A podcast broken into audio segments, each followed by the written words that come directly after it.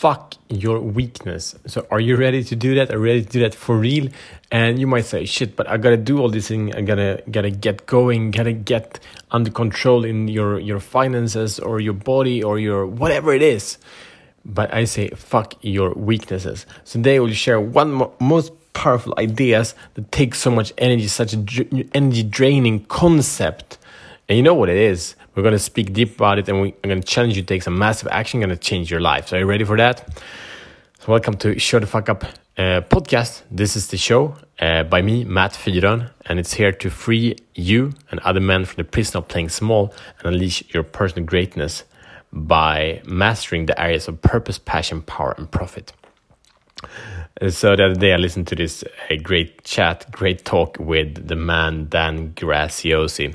He's a bit everywhere now since he's joined up and partnered with the Tony Robbins, the man.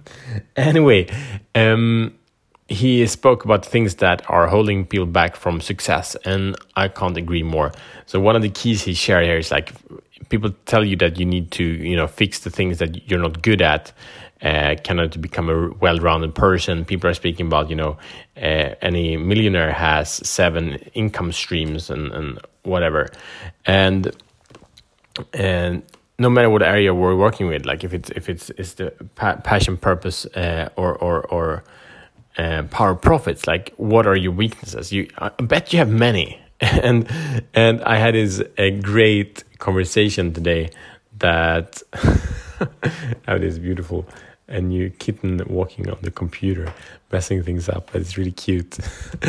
from from Alison Armstrong speaking about men and women, and she shares that men typically don't. Uh, you know, she, she had asked a bunch of guys like, "What what are you good at?" And then it's like, "What are you bad at?" And they like, "I don't get understand the question." With the weakness, and, and that's like partly they want to recognize themselves, want to be be strong, and and also that they're not really willing to learn, and at the same time, they're an un unwillingness to see what you actually suck at. Mm.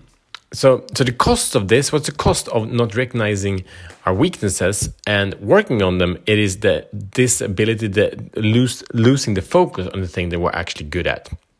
You look at any of the masters that are ridiculously success in the past or the present or the future, what they tend to do, they dove into a bunch of different topics and and and they learned that and they did that for many many years each topic and many at the same time and then just realized like holy shit here's something really extraordinary.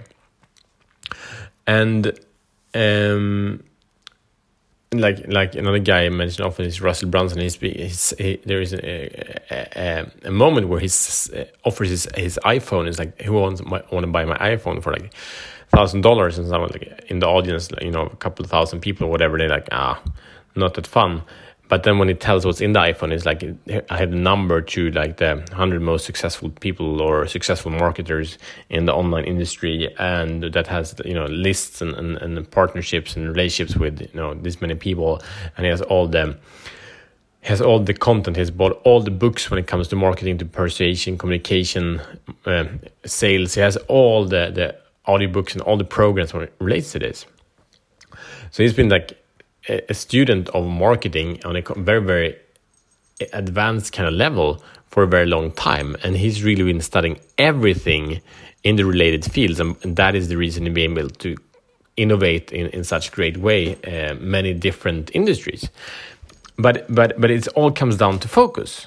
It all comes down to focus and the, like and and the the one thing that really holds us back from diving deep in our strength is if I is, is the idea of fear of failure because if you really try if you really try to give everything you got in there that you really care and really passionate about and you fail then you don't have anything else to give. If you fail there what else is it? But there is another truth and that is that uh, it's not the result it's not the outcome that equals success is getting in the arena. We'll speak about that in in a day or two. It's about getting in the arena. That is what's defining success. It's about playing the game because when you're playing the game, and especially when you play the game to win, only then you can win. It doesn't mean perfection, but it means to get after it. And um, so again, fuck fuck your weakness, double down on your strength, and and the, the and the end of that comes down to when you focus on your strength uh, you will be able to find ways to overcome your weaknesses, no matter if it's in relationship or or in in business or whatever area it is. And to be to be honest, also some things, of course, we need to be willing to adapt some some minor or major dysfunctions, but really the vast amount of time that we put in and and, and that we um, give our heart to, do it in the area of your strength. All right.